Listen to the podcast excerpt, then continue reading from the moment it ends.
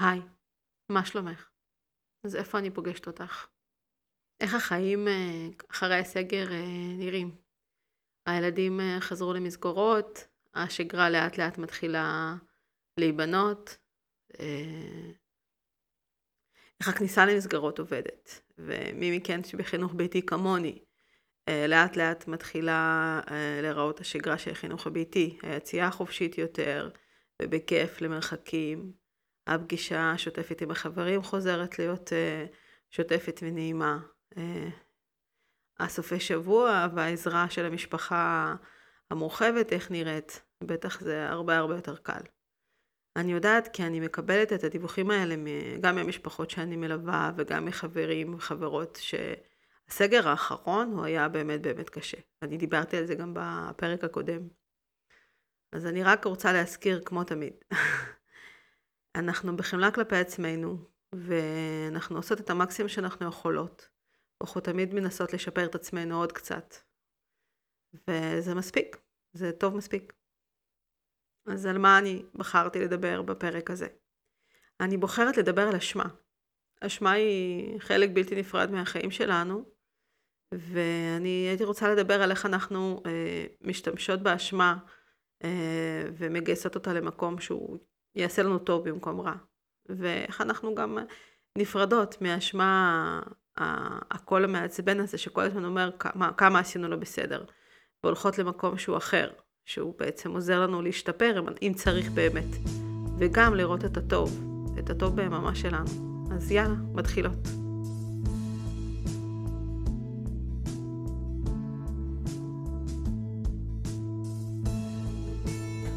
הגעת לפודקאסט ליצור מונטסוריה בבית של אפרת מילנה דביר.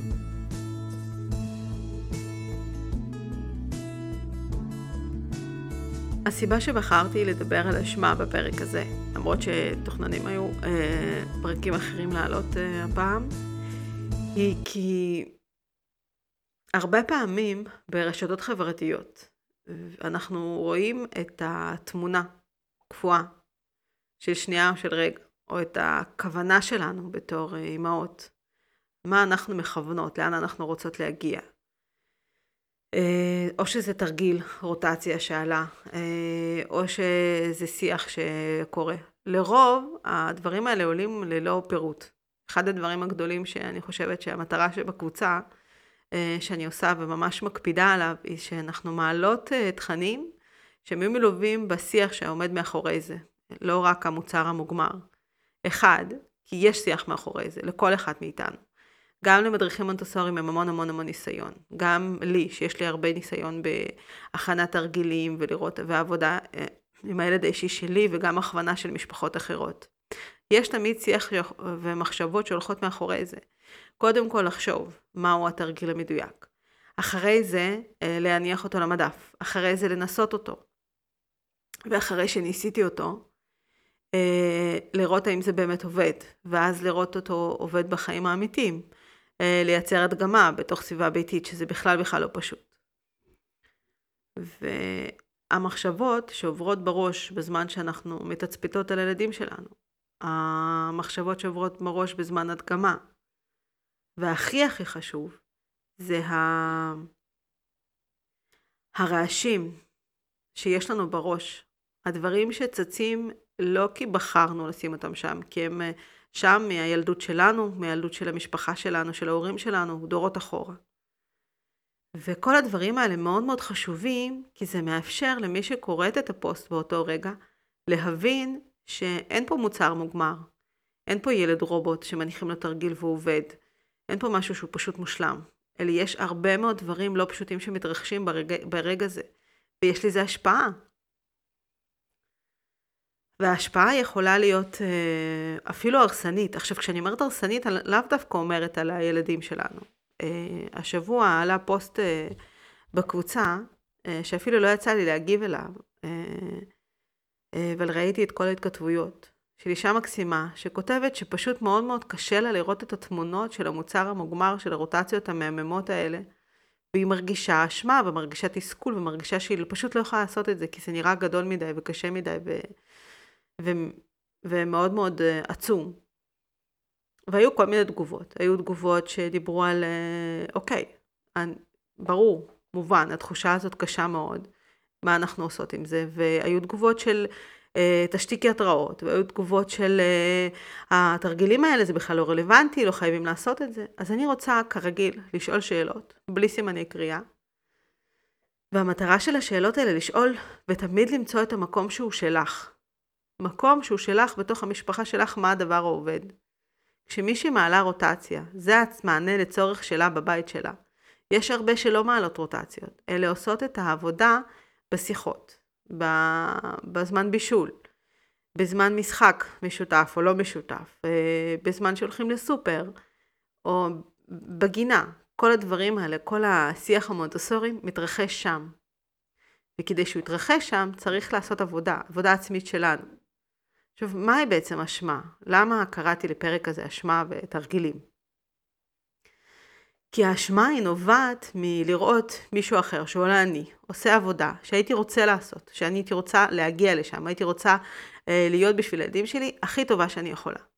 יש תרגיל שלמדתי לאחרונה, שהוא נהדר, עדיין לא מצאתי שם אה, של הקול הזה שיש אצלי בראש, אה, כי תמיד אני לא רוצה להגיד שם שהוא שם שיפגע במישהו אחר, כי... אבל אה, ניקח שם של... אה, כל אחד צריכה לבחור את השם של, שלה, של מישהו שהוא טרחני ומעצבן, או מעצבנת, ורק רוצה להעיר ולבקר ולהתלונן. אה, בוא נקרא לה, לשם בקול, בראש שלי חדווה. וחדווה כל הזמן אומרת לאפרת, את לא עשית רוטציות מזמן. אפרת, הבית לא מספיק מאורגן. אפרת, למה את יושבת ובוהה בתקרה במקום לזוז, לזוז ולעשות משהו? אפרת, תראי, זאת עשתה כך, וזאת עשתה כך, וזאת עשתה כך. ותראי, הבן שלך, או הילדים שלך, או בן הזוג שלך מגיב כך או אחרת, כי זה אשמתך. החדווה, אני אומרת לך, תקשיבי חדווה, את כרגע לא רצויה פה, את מפריעה לי. הביקורת שלך היא לא עוזרת לי, היא לא בונה לי שום דבר, היא לא באמת uh, תורמת לי.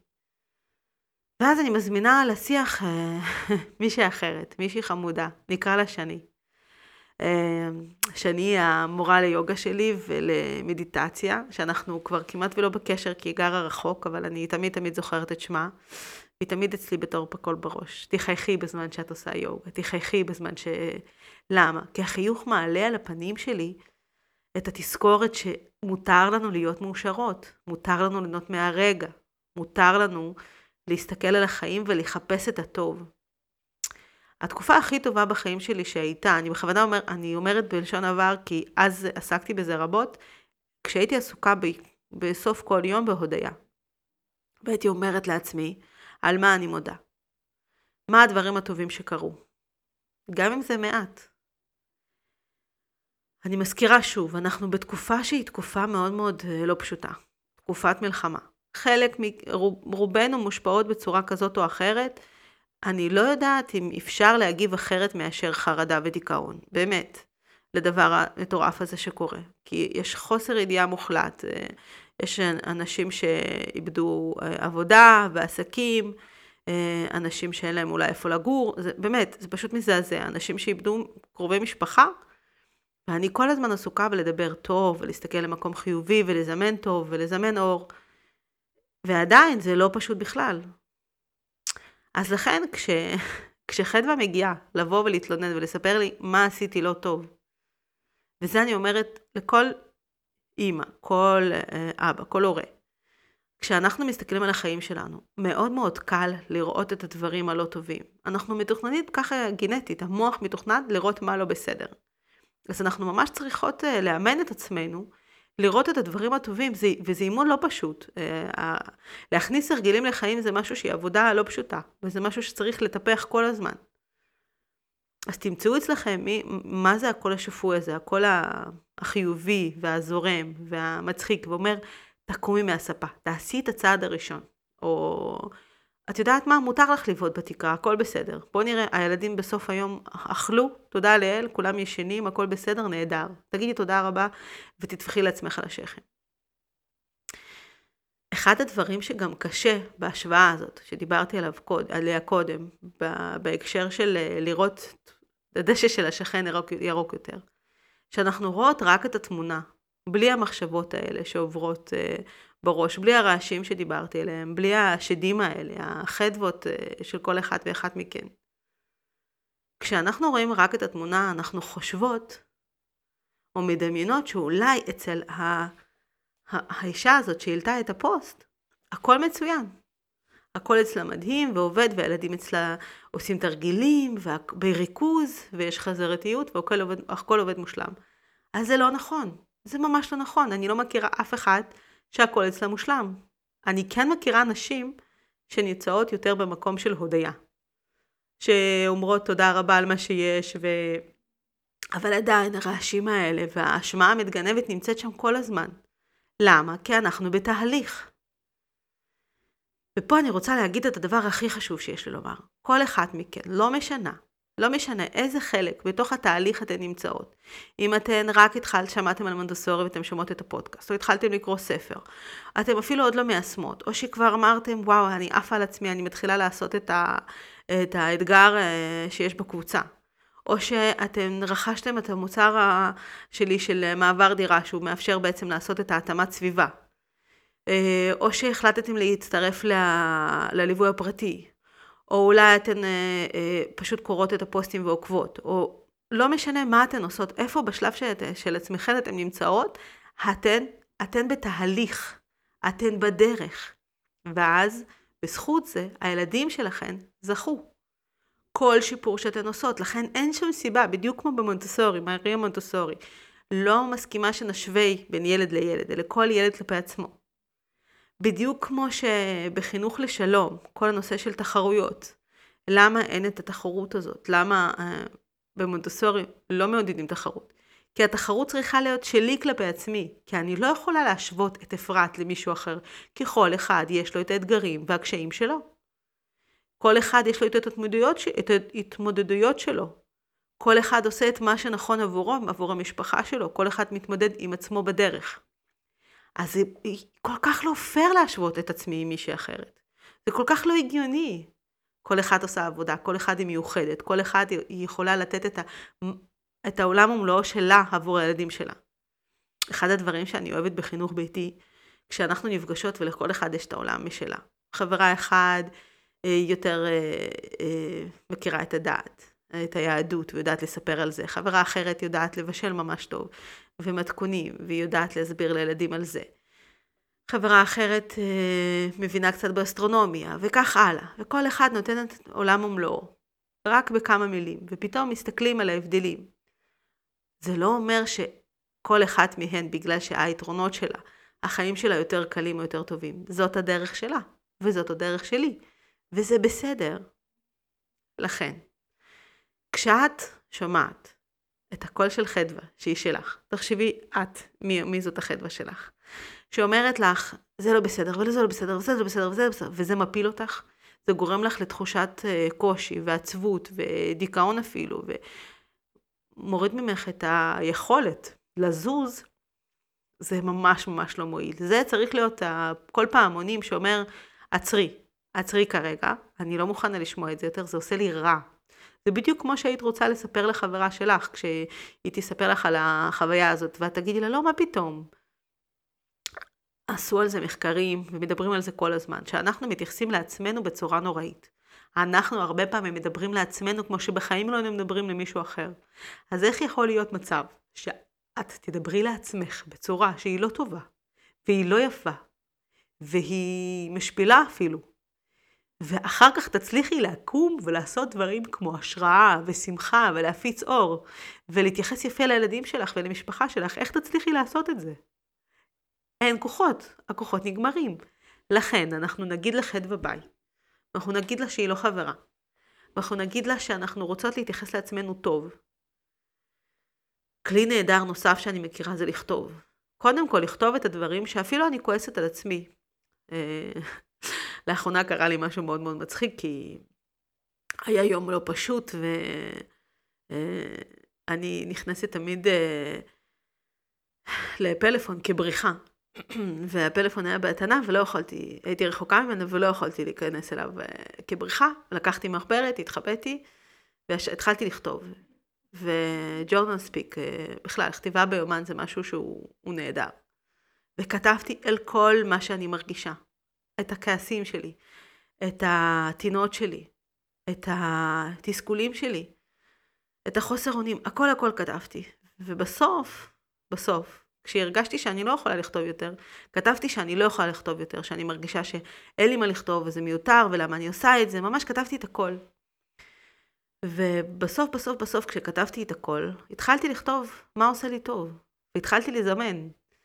התחלתי לכתוב בצורה מאוד מאוד מדויקת מה אני רוצה עבור עצמי, איזה יום אני רוצה עבור עצמי, איזה שנה אני רוצה עבור עצמי, איך אני רוצה שהחיים שלי ייראו, מה אני רוצה להרגיש, איך אני רוצה להתנהל.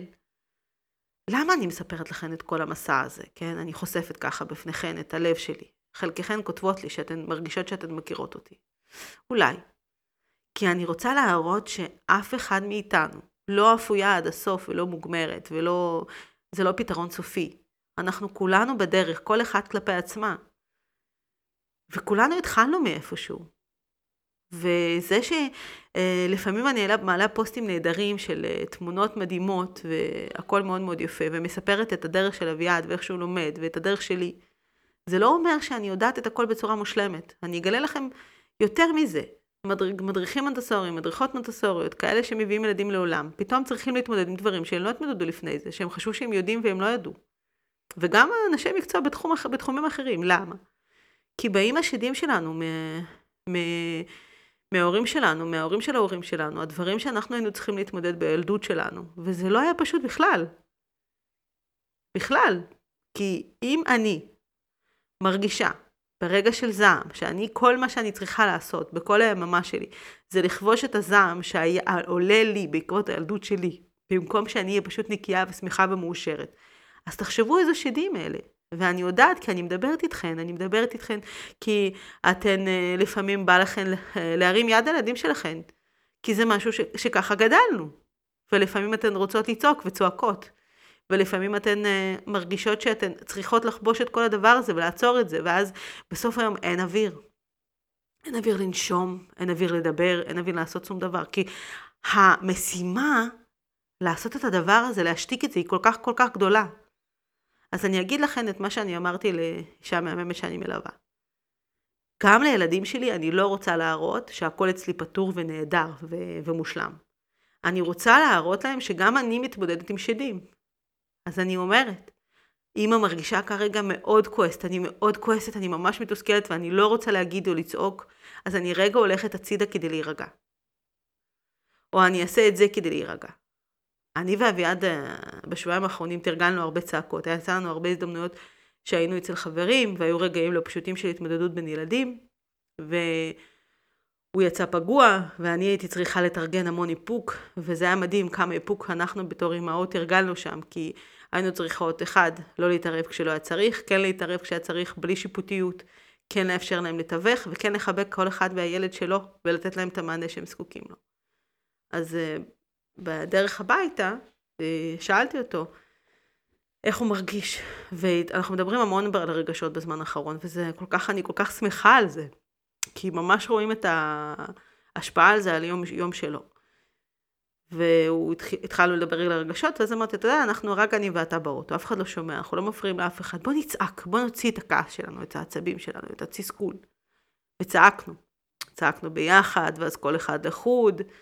ממש צרחנו, פתחנו חלונות וצרחנו, זה היה מצחיק, כי בכביש מהיר אה, זה לא נורא, אבל כשה, כשנכנסים כבר לעיר, אנשים מתחילים להסתכל. אבל זה לא משנה, כי באותו רגע זה ענה לנו על צורך. אז הוא יודע שבבית הוא יכול לעשות להרביץ לכרית, הוא יודע שהוא יכול ללכת לפינת זן, שהוא קורא לה פינת הצמחים. אה, הוא יכול להתחבק איתי, אנחנו יכולים לקרוא ספרים. אמא, אני מרגיש, אני מרגיש חזק, אני מרגיש רגשות חזקים, אני מרגיש כועס. אמא, אני כל כך מרגיש את זה חזק. אני כל כך אוהבת שהוא אומר את המשפטים האלה, וכל זה כי אני העזתי לפתוח את הרגשות שלי מולו.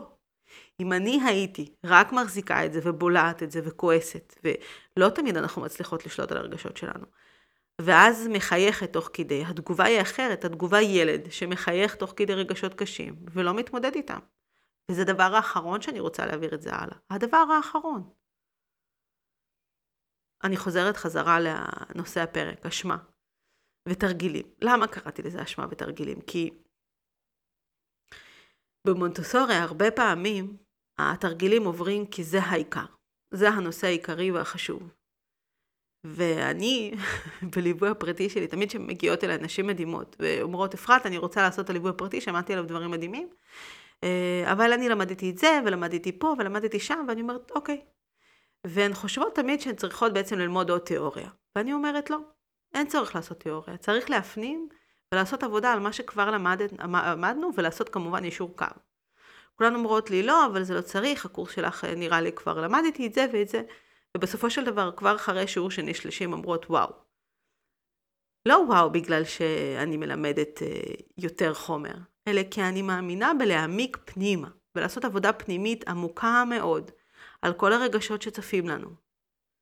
כשאני מבקשת לעשות תצפית, אני מבקשת לעשות תצפית, וזו עבודה כל כך קשה, כי אנחנו לא יודעות מה לכתוב על הדף הזה באותו רגע.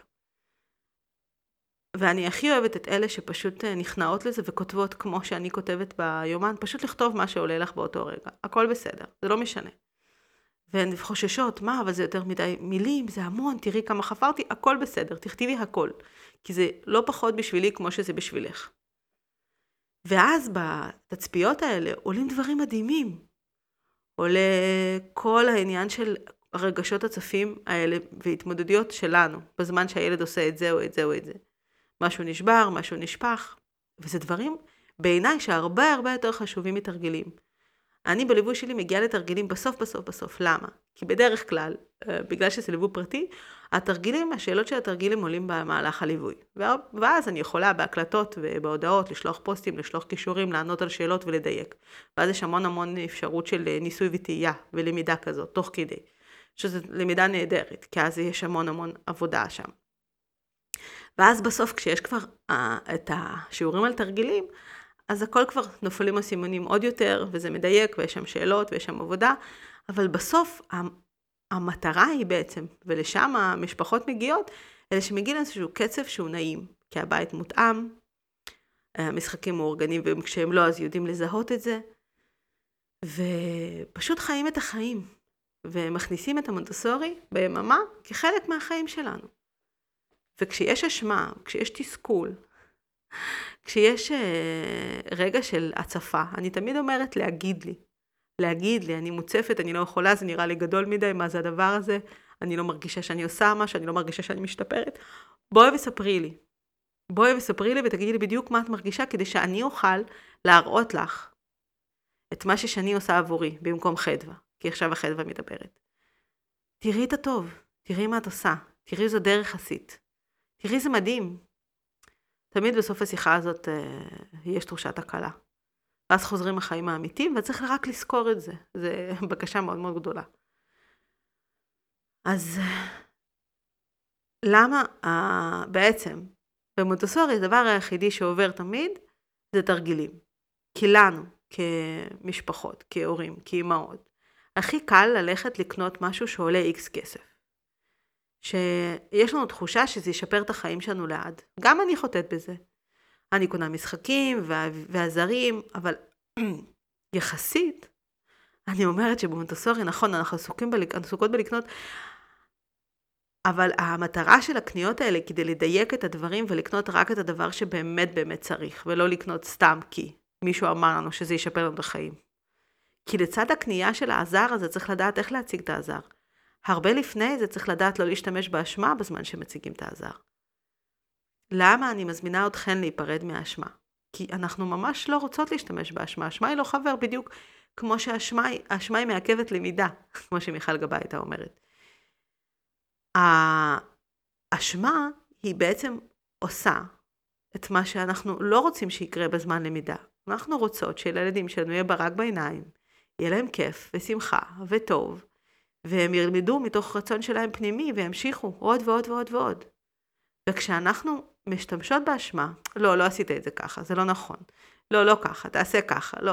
אז בעצם כל הרעשים, כל החדוות האלה נמצאות בתוך המוח ואומרות לנו את הביקורת. אנחנו מעבירות את הביקורת הזאת לילדים שלנו. ובמקום ידעו מתוך עצמם, קנינו עזר, הנחנו אותם על מדף. אבל לא, לא הבנו את הפואנטה, את המהות האמיתית, ה, מה עומד מאחורי מנטוסורי. וזה מה שאני מבקשת מכן. אני מבקשת מכן, לפני שאתן קונות את העזר, להבין מהו.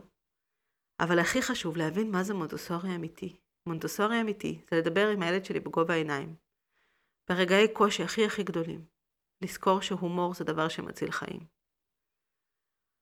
לזכור שללמוד מונטוסורי זה לא רק ללמוד רצף שפה, רצף חשבון, רצף כישורי חיים, אה, מה, מה זה זה ומה זה זה ואת, ואת התיאוריה. זה ללמוד להשתמש וליישם מונטוסורי בתוך היממה האישית של הבית הספציפי שלך. למה? כי מונטוסורי פותח עבור מסגרת. זהו, המטרה במסגרת הייתה לחקות חיים של אמיתיים, כדי ליצור תחושה של אחווה, ושל קשר, ושל משמעות, ושילדים ירגישו מאוד משמעותיים כשילד אחר עושה תרגיל. וכל הילדים מסתכלים, או חלק מהילדים מסתכלים עליו, אז קורה משהו. בבית זה אחרת. בבית אין ילדים אחרים שעושים תרגיל, אלא אם כן יש אחים גדולים ואתם... אה, אז צריך למצוא את הדרך שהיא נכונה עבור הבית שלך. וזו עבודה, זה תהליך. ואתם יודעות מה? התהליך הזה כל כך שווה. כי כמו שאמרתי קודם, כל אחד כלפי עצמה. כל אחד עושה את העבודה שהיא צריכה לעשות כדי לשפר את זה קצת. תחשבו רגע, אם הייתי אומרת לכם, שרק מעצם ששמעתם את הפודקאסט הזה, שיפרתם את החיים שלך ושל המשפחה שלך באחוז אחד. וזה סך הכל לקח עליכן את הזמן של הקשבה לפודקאסט. ועוד הרבה הרבה אסימונים שנופלים אחר כך, כי פתאום דברים שאתם שמות לב אחר כך. ואז הייתי אומרת לכן, עכשיו אם תעשו את האתגר, או, או תעשו את הקורס של מעבר לבית מונטוסורי ותעשו את התאמת הסביבה, לספר לכם את החיים ב-10%. אבל תמיד אחרי שיפור פתאום מגיעה הנסיגה, וזה ממש קשה. ואז יש תסכול. אז מה? אבל יש שיפור. כל פעם מחדש עוד ועוד שיפור. ופתאום אתן מסתכלות על החיים שלכן אחרת. על הצורה שאתם מדברים על הילדים שלכם קצת אחרת. האם זה קל? לא. כי אתן מתמודדות בעצם עם אותן קשיים ושלדים בארון, והחדוות שאומרות לכן, זה ככה, ולמה זה ככה, ולמה זה ככה, ולמה זה ככה, למה? כי יש עוד יותר ביקורת, כי פתאום יש סטנדרט יותר גבוה. אבל רגע, אם אני שנייה מסתכלת על החיים שלי ואומרת תודה על מה שיש, מתרכזת רק בזה, רק בזה, רק בזה, רק בזה, יהיה לי הרבה יותר קל ל- לקחת את כל האנרגיות שלי לטוב. פתאום אני לא צריכה לעבוד כל כך קשה כדי להיות uh, שמחה ומאושרת ולהעביר מסר שהכל בסדר, כי באמת הכל בסדר. ואם יש uh, קורונה, ויש את כל הדבר המזעזע שזה קורה ברקע, אז אני יודעת שקשה, אבל קצת יותר טוב בזכות הפעולות שאני עושה. ואני אומרת, ייי! כי אני בהודיה. כי אני אימנתי את המוח שלי לראות את הדברים הטובים. לראות את ה... את, את הפעם, כמה פעמים הילד שלי חייך, כמה פעמים אני הצלחתי להתמודד עם רגשות קשים שלי ולעבור לרגשות טובים. כמה פעמים שאני הצלחתי להכיל את הרגשות הקשים של הילד שלי. כמה פעמים קרה שמשהו נזרק או נפל או נשבר, ובמקום להיות זוהמת או כועסת, אה, צועקת, אני פשוט עצרתי רגע ואמרתי, ממש קשה לי. אני מאוד עצובה ממה שקרה פה עכשיו. אני רגע אנשום כדי להירגע, כדי לעזור כוחות ואנרגיות, ואחר כך נראה מה עושים. כי זה החיים האמיתיים, כי ככה, ותחשבו איזה כלי מדהים זה עבור הילדים שלנו. שהם מקבלים את הדבר המדהים הזה, לעשות את זה בחיי אמת אחר כך, בחיים שלהם, כשקורים רגעים כאלה, ואתן יודעות איך זה בחיים. כל הזמן קורים רגעים שפתאום קורה משהו שהוא מרגיש כמו אסון, משהו שהוא בלתי נסבל, ואז אני צריכה לנשום, לאסוף את עצמי ולקום. אבל מה ההבדל אם אני פשוט אתעלם מהרגשות שלי, אקום ואתחיל לעשות ואקלל תוך כדי או אצעק? או שאני אעשה את זה מתוך רוגע, אחרי שהרגעתי את עצמי. עשיתי הפסקה שנייה, עשיתי פוס, נשמתי, נשימות עמוקות, הרגעתי את עצמי, ואחר כך ביחד עם הבן שלי אנחנו חשבנו ביחד מה עושים. משהו נשבר. זה הדבר, אני חושבת, הכי חשוב שאני רוצה להעביר מסר. מה זה משנה אם אני הנחתי עזר מושלם של תרגיל על המדף והעליתי תמונה שלו לאינסטגרם? אם אני לא ידעתי איך לדבר עם הילד שלי בשבילו, ועם כל מה, מה זה משנה? ומה זה משנה? זה לא רלוונטי. מה שחשוב זה שלא העליתי עזר מושלם, אלא שאפילו השתמשתי בזר לא מושלם מונטוסורי. אבל הילד שלי למד עם חיוך וצחק, והילד שלי קיבל את זה במקום טוב, ואני בתור אימא יודעת לא להשתמש באשמה, אלא הפוך. אני, הוא לומד בעצמו, מתוך שמחה וכיף, ואני הולכת אחריו, עושה תצפיות ורואה אותו באמת. ואם זה כל מה שלמדתי, אז אני אומרת, וואו, עזבו אתכם מתרגילים מושלמים. יותר חשוב שתעשו את זה. למה? כי אחרי שאתם תעשו את זה, יהיה לכם הרבה יותר קל לבנות תרגילים מושלמים, והם יהיו מושלמים. כי אתם תהיו ברוגע ובשלווה, ויהיה לכם טונות של השראה. טונות. כי ברגע שאנחנו שלוות ושמחות ומאושרות בחיים שלנו, אז קל לנו ליצור דברים טובים. ותרגיל מובנה, תרגיל מושלם קל ללמוד יחסית, כי זה כל מיני חוקים ו, ו, והגבלות ו, ובקשות אה, ש, שצריך לעשות כדי בעצם ליצור למידה חווייתית יותר קרה לה עבור הילד שלנו. אבל אם עשיתי תרגיל מושלם, והמטרה שלי שהוא יעשה את זה בצורה מושלמת, והילד שלי לא יעשה את זה בצורה מושלמת, כי זאת המטרה של התרגיל, לטעות ולטעות עד שמצליחים, כדי להצליח בסוף, וכדי שילד ידע לפצח את זה בעצמו וללמד את עצמו. ואם אני רוצה ללמד אותו, אז להדגים את זה שוב ושוב, עוד פעם, לנצל הזדמנויות לא כי אני חייבת להדגים כי אתה עשית לא נכון, אלא כי עכשיו, בזמן שאנחנו מבשלים, אני אדגים את הפעולה שהוא עשה לא נכון, ואני אשים על, על זה את המשמעות, בלי שהוא בכלל הבין את זה, תוך כדי צחוק, ובכלל, בלי שהוא הבין שהוא עשה טעות. הוא פשוט יקלוט את זה ויפתור את זה עבור עצמו. רוב הילדים במונטוסורי, רוב הילדים, ילדים מונטוסוריים יודעים שהם לימדו את עצמם, את רוב הדברים. דבר מאוד מאוד חשוב ומשמעותי,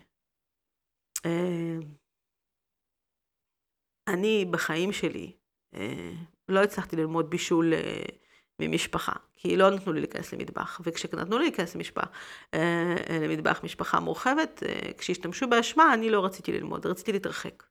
אז לימדתי את עצמי לבשל, ולא ידעתי דברים, המון המון דברים בסיסיים. ולאחרונה אני, בזכות מונטסורי, מקפידה לשים לב, להסתכל, לעשות תצפית מסביבי. פתאום ראיתי מישהי גורבת גרביים. וראיתי איך היא עושה את זה. זה היה פשוט mind blowing. המוח שלי פשוט עף. כל הזמן בן זוג שלי כעס עליי, ולמה את, את לא שמה את הגרביים כמו שצריך, זה לא מסודר, זה לא מספיק ישר, ולא הבנתי על מה מדבר. הוא השתמש באשמה, אבל ברגע שפשוט הייתי נקייה ורגועה ושליבה במקום של למידה, שמתי לב איך מישהי גורבת גרביים, וראיתי את זה, ומאז, פתאום הגרבת גרביים קלה לי ופשוטה, כי אני פנויה להסתכל וללמוד, כי אני רוצה לעשות את זה. אותו דבר עם בישול קרה, שהיינו אצל חברה וראיתי אותה מבשלת ואיך היא זזה ואיך היא אה, מכינה תבלינים ואיך את כל הדברים שהיא עושה. ופתאום הכל נהיה יותר קל, אבל כדי שאני אבחר ללמוד מאותו בן אדם, אני רציתי להיות במקום של רגש שהוא רגש חיובי, שאני פנויה ללמוד ממך, כי את אה, משדרת עבורי משהו שהוא טוב ושמח ואת עושה לי נחת וביטחון, ואני מרגישה שאני בידיים טובות, אני מרגישה שאני באמת יכולה ללכת אחרייך. לכן כשהילד שלנו רוצה ללמוד מאיתנו, והוא לא רוצה שנדגים, כי הוא לא תמיד מרגיש ביטחון בנו באותו רגע. זה לא אומר שאנחנו אימהות לא מספיק טובות, ממש לא. זה לא משהו לקחת עליו אשמה, זה משהו שלהבין שזה בדיוק כמו בתיאוריית ההיקשרות. אה, הלב צריך להיות רך, הילדים שלנו צריכים לראות אותנו ולאהוב אותנו, להרגיש ביטחון באותו רגע, ורק אז הם יסכימו ללמוד מאיתנו. ומתי ההבנות האלה שלנו נופלות בתוך המקום הזה? עבורי זה נופל עכשיו, תוך כדי. זה לא משנה כמה אני לומדת וכמה אני מלווה, כל יום אני לומדת עוד ועוד ועוד ומבינה עוד ועוד ועוד. לכן, לפני שאתן מניחות תרגיל על המדף, תלמדו איך זה להיות עם לב רך, אתן והילדים שלכם. תלמדו איך זה להביל אותם ממקום של אה, שלווה. כשאני אומרת להוביל אותם ממקום של שלווה, אני אומרת, הכוונה שלי זה שאני אה, צריכה לפתח מערכת יחסים עם הילדים שלי.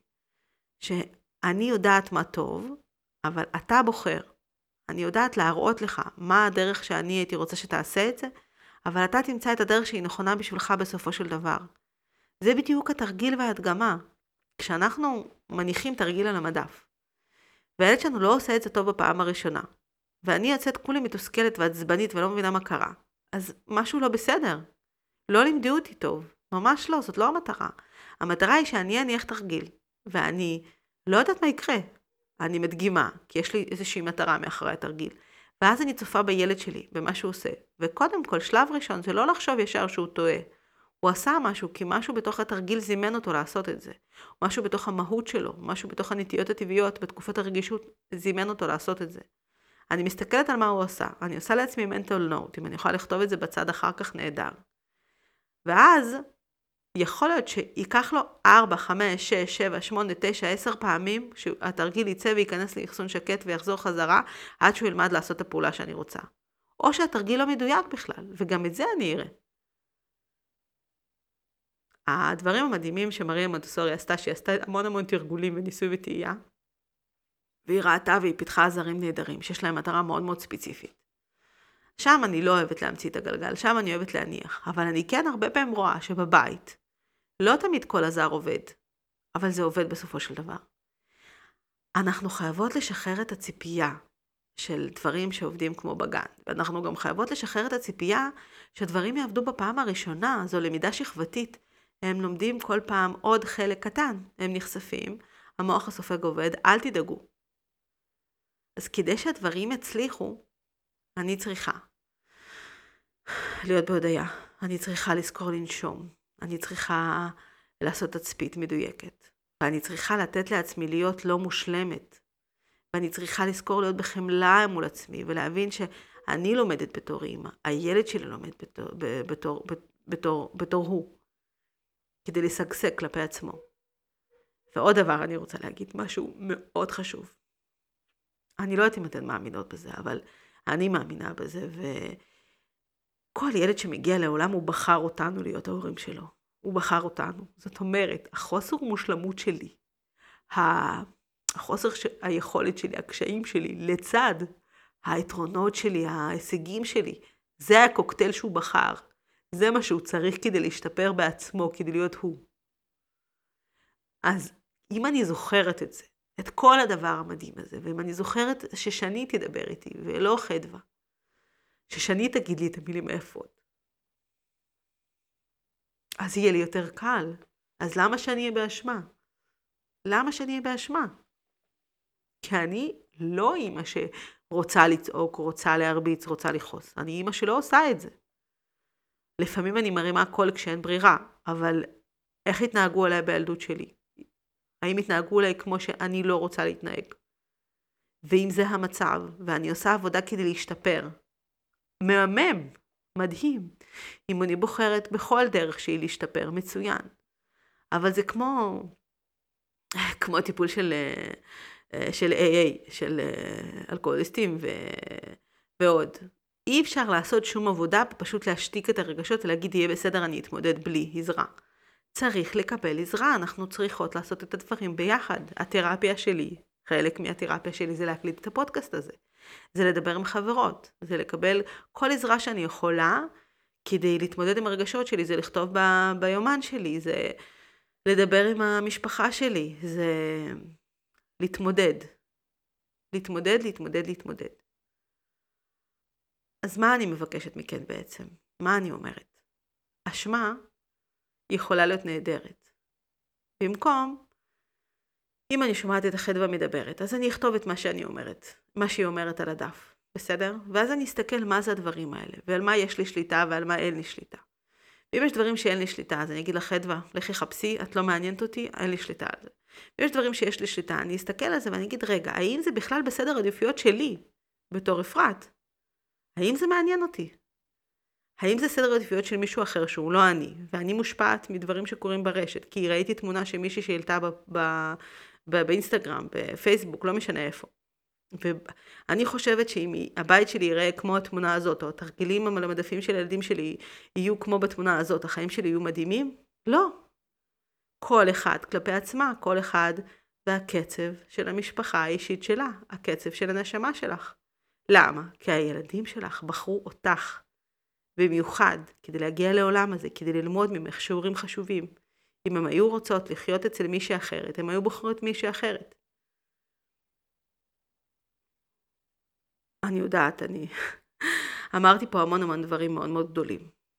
והמסר העיקרי שלי זה שכל אחד מאיתנו היא שונה. וכל אחד מאיתנו יש לה שיעורים שונים לגמרי. כל אחד מאיתנו מתמודדת עם אתגרים שונים. יש כאלה שהם קשב וריכוז, יש כאלה עם דיסלקציה, יש כאלה עם אה, נכויות פיזיות, יש כאלה שהבית שלה יותר גדול ויותר קטן, יש כזאת שגרה בעיר וגרה בכפר, יש כזאת כל אחד מאיתנו מתמודד עם משהו אחר.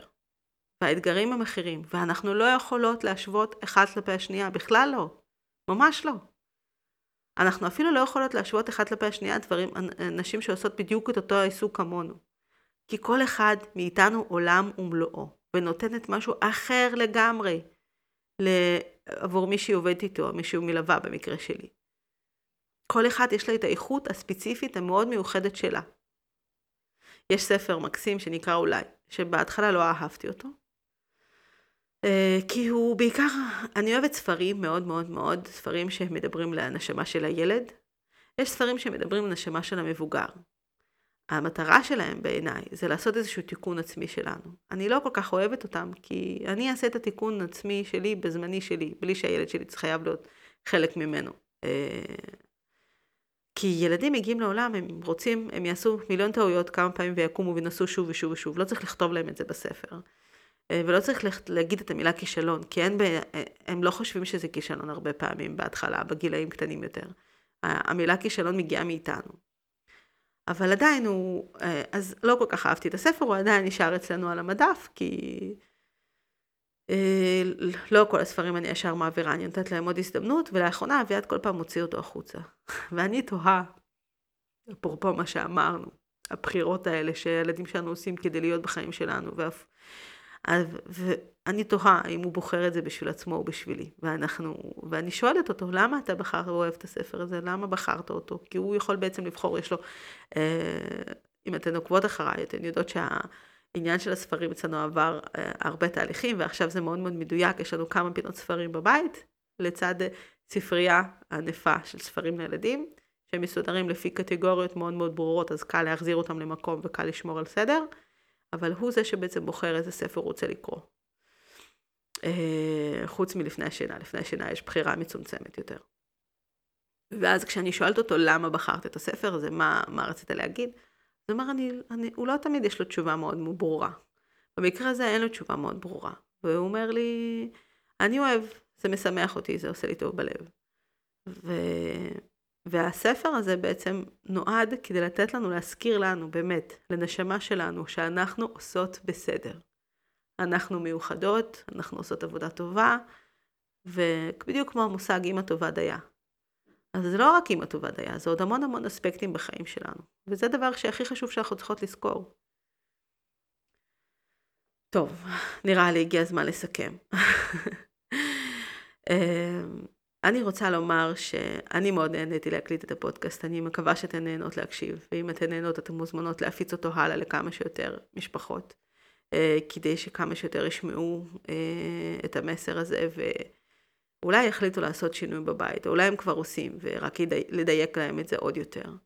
אני מזכירה על כל התכנים החינמיים שיש, יש את הדף הפייסבוק שלי, ליצור מונטסורי בבית, יש את הקבוצת פייסבוק מה עשינו היום במונטסורי, שעוברת המון שינויים כרגע לדיוקים, כדי שהדברים יעבדו כמו שצריך, ושתהיה שם תחושה של בית, למרות שזו קבוצה של מעל 7,000 אה, אה, חברות בקבוצה, יש כמובן גם חברים. אה, יש את האינסטגרם שלי, וכמובן יש תכנים שהם בתשלום, כמו המעבר לבית מונטסורי, שהוא מוצר אה, נהדר, אה, והוא עושה עבודה ממש ממש טובה, והוא קצרצר, והוא עולה, העלות שלו הכספית היא יחסית לא גבוהה, כמובן לא נכנס לכיס של אף אחד, אבל יחסית לא גבוהה, והיא מאפשרת לעשות אה, תהליך מאוד מאוד טוב, לצד הפגישה אישית, איתי. וכמובן יש את הליווי הפרטי שהוא ארוך ומעמיק וקשה, אני בכוונה אומרת קשה, הוא לא קל. אבל הוא שווה את זה כל כך, והמחיר שלו ממש שווה, הוא עולה כמו קורס רגיל במקום אחר, והוא נותן הרבה הרבה הרבה הרבה יותר. אז כמובן אם אתן מעוניינות לעשות, לא משנה אם אתן עושות את התהליך אה, בעצמכן לבד, או שאתן רוצות עזרה שלי. אז אני פה זמינה, אני כמובן אשים קישור של, אה, גם בוואטסאפ, אה, את הקישור ישירות אליי. ואפשר להשיג אותי גם בפייסבוק וגם באינסטגרם. ואני מאחלת לכולנו שאנחנו נזכור לנשום ונזכור לדבר עם שני ולא חדווה. ששני תגיד לנו לחייך ולצחוק על החיים ו... ולהיות מאושרות. ביי. תודה רבה, מאוד נהניתי, מקווה שגם את. מוזמנת לעקוב אחריי בפייסבוק ובאינסטגרם, בדף שלי ליצור מונטסורי בבית. כמובן, אני מזמינה אותך לקהילה מה עשינו היום במונטסורי, קהילת פייסבוק שאני כל כך גאה בה ומאפשרת את התחושה ביחד והמון המון ידע. כדי לקבל אינפורמציה לליוויים שלי בקבוצה או בפרטי, מוזמנת לשלוח לי הודעה בליצור מונטסורי בבית. ודבר מאוד מאוד חשוב, ואני רוצה להזכיר לך משהו. ילדים לא מגיעים לעולם עם כוונות רעות. הם לא באים להתיש אותנו, לבחון את הסבלנות שלנו, לדחוף אותנו לקצה. הם באים אלינו עם צורך לאהבה, חיבור ושייכות. ציטוט קטן של רבקה הנאיש. ביי.